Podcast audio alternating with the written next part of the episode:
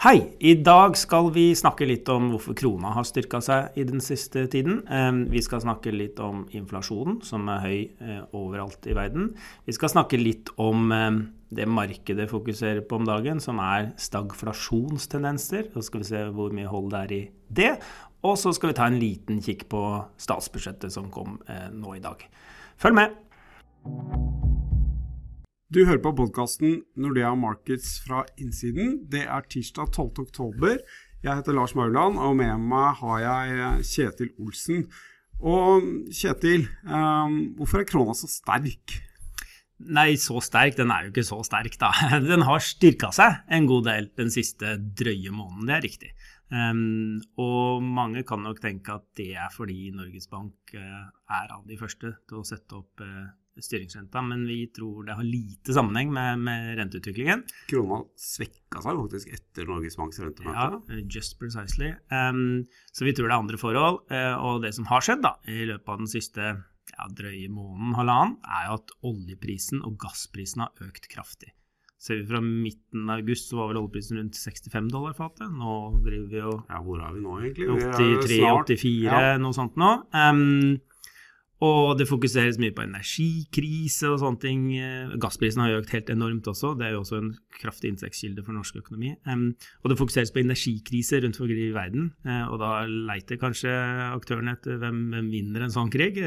Og, ja, Norge kommer ganske godt ut, men, ja. men for Norge sitt totalt sett, da, så er jo høyere krone, er jo, eller sterkere krone er ikke bra. ikke sant? Vi mister konkurransekraft til uh, eksportsektoren, vi får lave importpriser. Men, men høy oljepris er jo bra. Hvordan veier, tror du Norges Bank veier disse forholdene opp mot hverandre? Ja, Det er lett å tenke at når krona styrker seg, så bidrar det til at rentebanen til Norges Bank senkes. Men som alltid, da, så er det så må man se på hva er årsaken til at krona har styrka seg.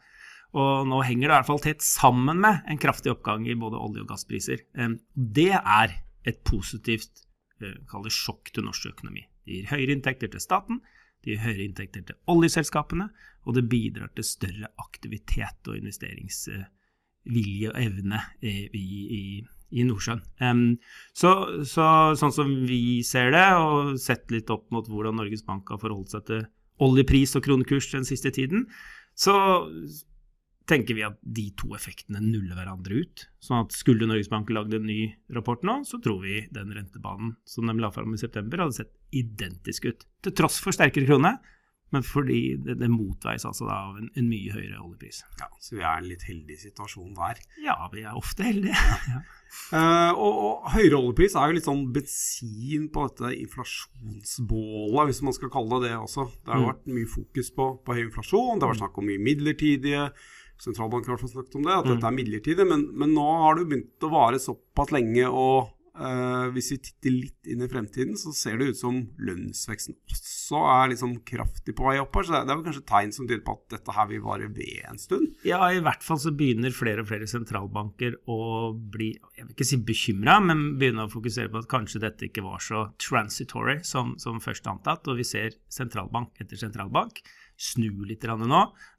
Sist ute nå, Bank of England i løpet av helga, eh, gikk ut og sa at det var riktig av markedet å prise en mye raskere renteoppgang enn det som hittil hadde vært forventa.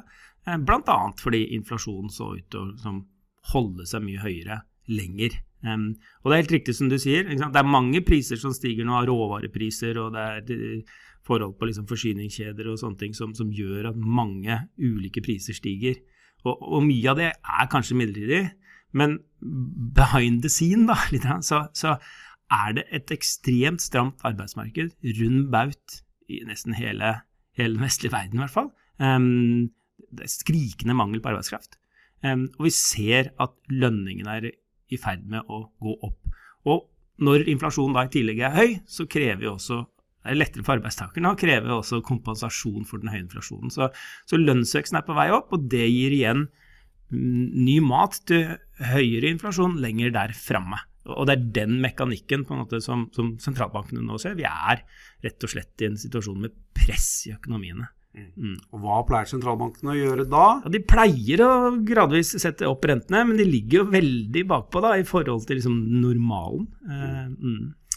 Uh, og i lys, liksom, i, i, takt med denne høye inflasjonen, så har det så kommet liksom, en overskrift at nå er det stagflationary winds mm, are mm, blowing again. Og tror vi egentlig på det? Hva er egentlig stagflasjon? Ja, altså stagflasjon, det kom jo, Begrepet kom, fra, kom i løpet av 70-tallet, hvor vi hadde høy og økende inflasjon, og veldig høy inflasjon, samtidig som arbeidsledigheten steg. Altså det var stagnasjon og til dels fall i aktiviteten. Um, vi er ikke der nå. Inflasjonen er høy, uh, og den kommer ned, men den kommer til å bli høyere enn den har vært. Um, og så avtar veksten. Men merk, den avtar fra et ekstremt høyt nivå. Men fortsatt vil veksten være god? Akkurat. Og ledigheten faller. Så vi er overhodet ikke i noe stagflasjonsgreie nå. Veksten avtar, inflasjonen er høy. Um, det er mer en indikasjon på at det er press i økonomien. En grunn til at veksten avtar, ved siden av at vi har vi har bak oss liksom den lette gjeninnhentingen. Da er vi mer over på liksom ja, Fase to og gjeninnhentingen, kanskje? Ja, ja, ikke sant. Eh, så, så, er det jo sant, skrikende mangel på innsatsvarer. Eh, mangel på arbe arbeidskraft, eh, som også bidrar til å kanskje dempe veksten fremover. Da. Eh, men det er en helt annen dynamikk enn at etterspørselen liksom eh, svekkes. Etterspørselen er eh, supergod. Um, så, så vi er overhodet ikke noe Men markedet fokuserer litt på det. Um, og vi er jo, ja. Så, så, ja. Vi er ikke veldig bekymra for markedet, egentlig. Her, vi, vi, ser vel at det er noen type aktiva som sliter litt med, med høye renter, kanskje først og fremst. Og kanskje noen også med, med litt høyere, uh, høyere priser. Men det virker jo også som bedriftene har pricing power. Uh, ja, i økende grad, ser det ut som. Og, og det at uh, konsumprisinflasjonen stiger, tyder jo på at det er noen som har satt opp prisen et eller annet sted og, og bevart en ja. margin. Ja. Nei, og, og, vi ser jo også i markedet ja, det er, det er stagflasjonsfrykt, men så ser vi også at rentene stiger. Eh, på en forventning, vil jeg tippe, at eh, sentralbankene er i ferd med å snu. Ja, og Det er jo som du sa i stad, økende fokus fra sentralbankene på høyere inflasjon. Vi har sett et tydelig skift synes jeg, bare de siste to-tre ukene. Eh, med, med sentralbankmøtene som har vært der, og uttalelser etterpå. Så her, her, kommer det nok mer. Vi har jo snakka om det her lenge, egentlig, at vi tror dette kommer. Og nå, nå ser det ut som nå skjer det, og, og, det er mer å gå på. Ja, Lange renter har jo kommet opp en god del fra, fra, fra bunnen, eller ikke bunnen, da, men vi, det falt jo litt gjennom sommeren. Men så har det steget ganske betydelig siden august. Og hvor skal vi videre? Videre opp. Videre opp, ok. Ja. ja. Ja, Det har vi for så vidt sagt uh, lenge, da. Ja. Der er det mange forhold som bidrar. Vi, vi, er ikke ferdige. Vi fikk jo en sånn kort utsettelse av dette gjeldstaket i USA, som vi har snakket om tidligere. Gjeldstaket er veldig viktig for, for rentene, fordi når det er lufta, så gjør det at USA kan låne de pengene de trenger igjen for å finansiere underskuddet, som er stort. Vi kommer til å ha stort underskudd på budsjettet. Det er mange ting som skal um, mange pakker som skal gjennom i, i USA. Det må betales for. Da må de låne penger i markedet. Eh, stort lånebehov pleier å gi høyere renter. Men den utsettelsen vi fikk av gjeldstaken forrige uke, var veldig kort. Bare fram til starten av desember. Men de, så, så, det er ikke nok til at låneopptaket kan liksom ta av der hvor det skal være. Men det gir på en måte tid til demokratene til å områ seg og bli enige med seg sjøl om eh, hva de skal ha gjennom i, i disse støttepakkene sine. og det gjør også at de kan da, sammen med når de, når de vedtar disse pakkene, øke gjeldstaket for en lengre periode. Så det, det, er vi ganske sikre på kommer nå i løpet av november. Um, og, og, da vil vi se en mer normal uh, låneopptak fra den amerikanske statene, som har egentlig vært veldig lavt i år. De har levd på stort sett penger de lånte i fjor. Mm. Og det vil i seg selv bidra til å, å, å understøtte den oppgangen i lang rente vi har hatt ja, i det siste. Ja, mm. sammen med at vi tror at sentralbanken kommer til å være stadig mer og mer bekymra, eller hva skal vi kalle det, eh, for den høyere prisveksten og høyere lønnsveksten. Hvis du ser på de ordentlige og, og, Amerikanske renter er jo veldig viktig for norske renter. Det har vi sett gang etter gang. At de lange fastrenter, de, de norske i hvert fall, de ordentlig lange, de drives i stor grad av det som skjer i USA. Um, hvor, hvor, skal vi hen, på en måte? Altså, altså, Nå er vi vel litt over 2% i disse litt lange rentene. Uh, neste topp er, er 2,5, som var der vi var tidligere i vår. Og så ser vi litt tilbake til 2018. Lå de mellom 3-3,5 mm.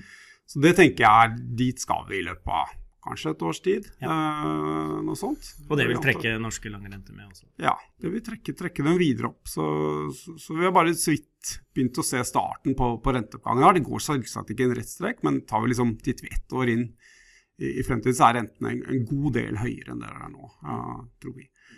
Uh, ja, Nok snakk om renter akkurat nå, men vi fikk jo også et statsbudsjett i dag. Og det er mye overskrifter. Ja, nå skal det brukes mindre oljepenger, og det er kanskje ikke så rart at man ikke kan fortsette å bruke så mye penger som man gjorde under pandemien. Nei, Det er riktig at man nå bruker mindre oljepenger. Eh, og så er det lett å havne i den fella og tro at det bidrar til å, å, å At det er veldig innstrammende for økonomien.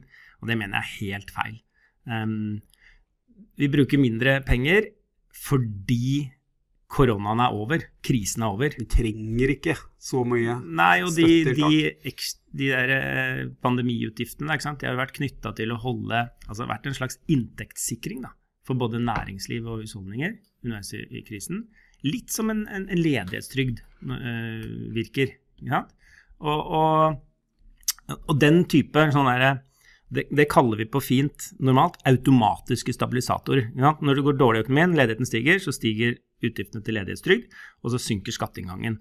Den type liksom, økning i underskudd som følge av at det går dårlig økonomi, det pleier man å korrigere bort når man skal regne ut denne budsjettimpulsen, budsjettindikatoren. For det har egentlig ikke noe med finanspolitikken å gjøre, det er automatiske såkalte stabilisatorer. Um, de utgiftene vi har hatt i forhold til koronapandemien, har vært ekstraordinære.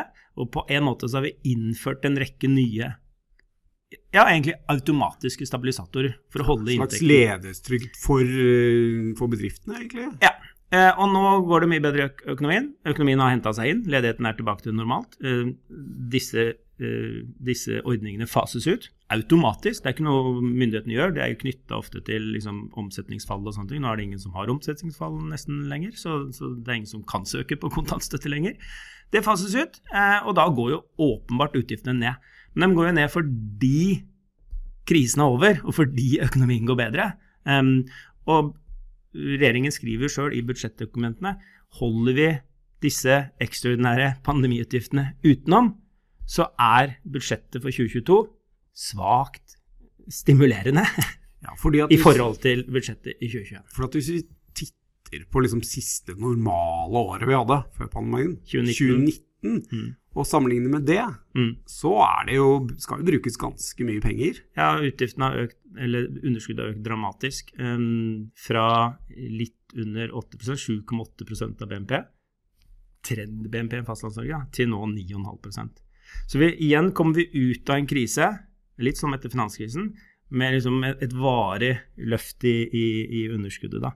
Men det er jo ikke så Altså eh, vi har jo råd til det, på en måte. Eh, De holder seg jo innenfor handlingsregelen. Godt innenfor handlingsregelen, godt innenfor denne 3 av oljefondet. Men fordi oljefondet har steget så utrolig mye, da. Så fra i 2019 så var oljefondet litt over 8000 milliarder. Nå er det 12500 milliarder. 3 av 12 500 milliarder er mye mer enn 8000 milliarder. Um, så det gjør det jo veldig enkelt, da. Uh, men, men, hovedpoenget mitt er bare at det blir feil å tenke på nedgangen i underskuddet som en innstramming i norsk økonomi. Um, er i beste fall nøytralt, eller kanskje svakt stimulerende. Det er min vurdering av budsjettet. Ja, så får vi jo en ny regjering inn, uh, rett rundt hjørnet, og det er vel ikke noe grunn til å tro at de skal stramme så veldig inn?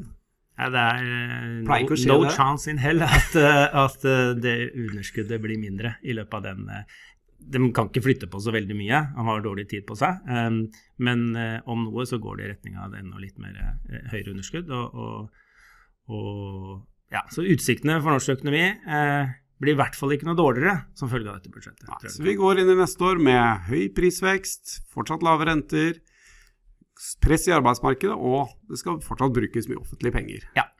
ja da vet vi hvilken vei det går, uh, med rentene i hvert fall, til neste år. Det var alt for oss uh, for i dag. Du har hørt på postkassen når det er markeds fra innsiden. Vi takker for oss.